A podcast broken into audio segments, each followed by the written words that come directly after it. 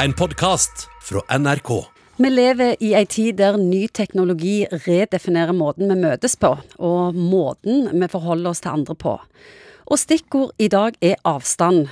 For mange blir kjent på avstand, og konseptene kjærlighet og parforhold er mer subjektive enn noen gang. Og psykolog Egon Hagen, vi skal snakke om parene som lever sammen på avstand. Kjenner du noen sånne?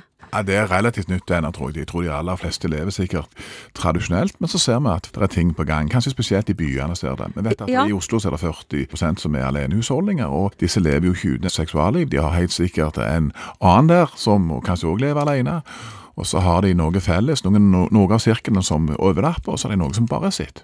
Faktum er at stadig flere voksne over 30 velger å leve sammen på avstand. Hva tenker du om det?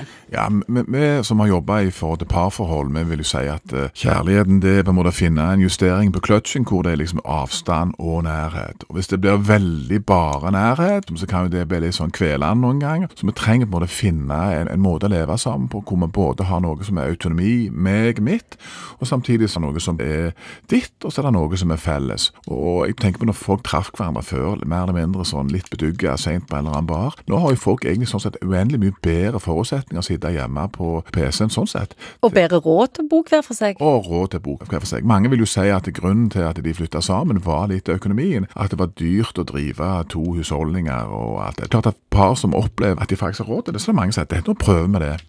Og vi slår jo et slag for at det er mange måter å leve på. Og vi ønsker på en måte å bidra kanskje til å ja, løse opp litt sånn låste forestillinger om at det bare er én vei til lykken og kjærligheten og det gode livet. Så det kan være en god løsning det å leve sammen på avstand? For mange tror jeg det er helt riktig. Jeg ser at en del velger faktisk. De begynner som et tradisjonelt par, og så oppdager de at ok, hvis vi skal Herlig å være litt for seg sjøl. ja, hvis vi skal få dette til å funke i fortsettelsen sånt. Det er jo dette monogami, at vi er sammen egentlig halve livet, eller uh, hvor lenge det er.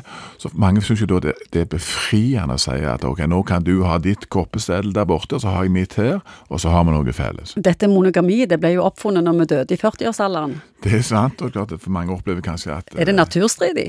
Ja. holde, holde sammen i eh, 60 år? Jeg vet ikke, det er jo et eller annet utgangspunkt. Det var jo disse ungene våre da, som trenger så lang tid før de er selvstendige. Hadde de sprunget av gårde i to-treårsalderen, så hadde vi ikke trengt dette. Men vi har lagd konstruksjoner som selvfølgelig mye handler om å ta vare på barn, tror jeg. Sikre barn. I tillegg til dette med økonomi og arv og alt dette.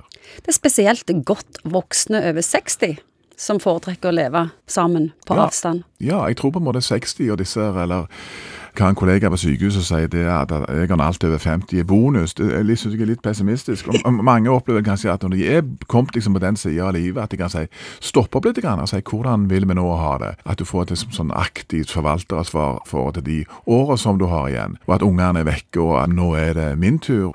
Og så er det mange som opplever kanskje også at når ungene er føgne over alle hauger, så meg og deg, kornemor, hvordan skal vi gjøre dette egentlig?